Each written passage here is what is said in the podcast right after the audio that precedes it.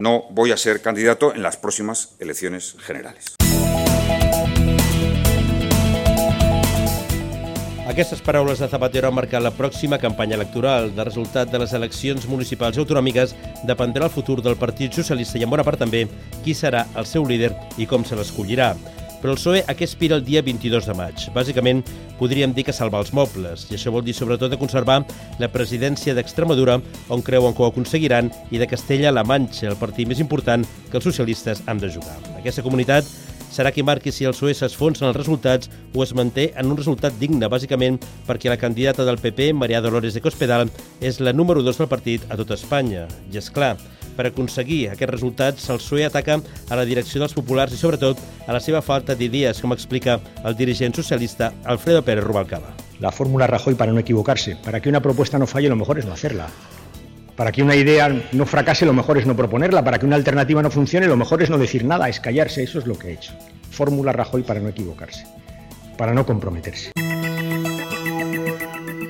I en clau més social, la direcció del partit creu que, com està passant en molts països europeus, la crisi els perjudicarà en les seves perspectives electorals. Però el que volen fer és donar la volta a la crisi. El missatge que esperen que arribi als ciutadans és que una victòria del PP als municipis i comunitats faria que els populars aprofitessin la crisi per retallar l'estat del benestar, com explica el propi Zapatero.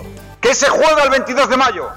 La defensa del estado del bienestar, la defensa de una sanidad pública igual para todos, la defensa de una educación gratuita, el incremento de las becas, la defensa y el desarrollo de la ley de la dependencia. Eso es lo que se juega el día 22 de mayo. Y quiero ver a todos los trabajadores y a todos los que apuestan por la igualdad defendiendo ese proyecto.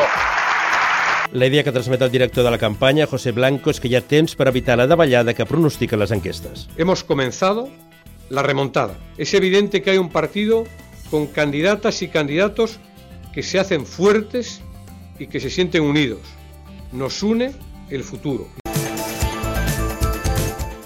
I després Extremadura i Castella-La Manxa, el PSOE creu que pot plantar cara a Astúries, on el PP està dividit, a Cantàbria, Aragó i amb poques possibilitats a les Balears. I donen els altres territoris on hi ha eleccions autonòmiques pràcticament per perduts. I per últim, la batalla municipal té dos escenaris principals, Barcelona i Sevilla.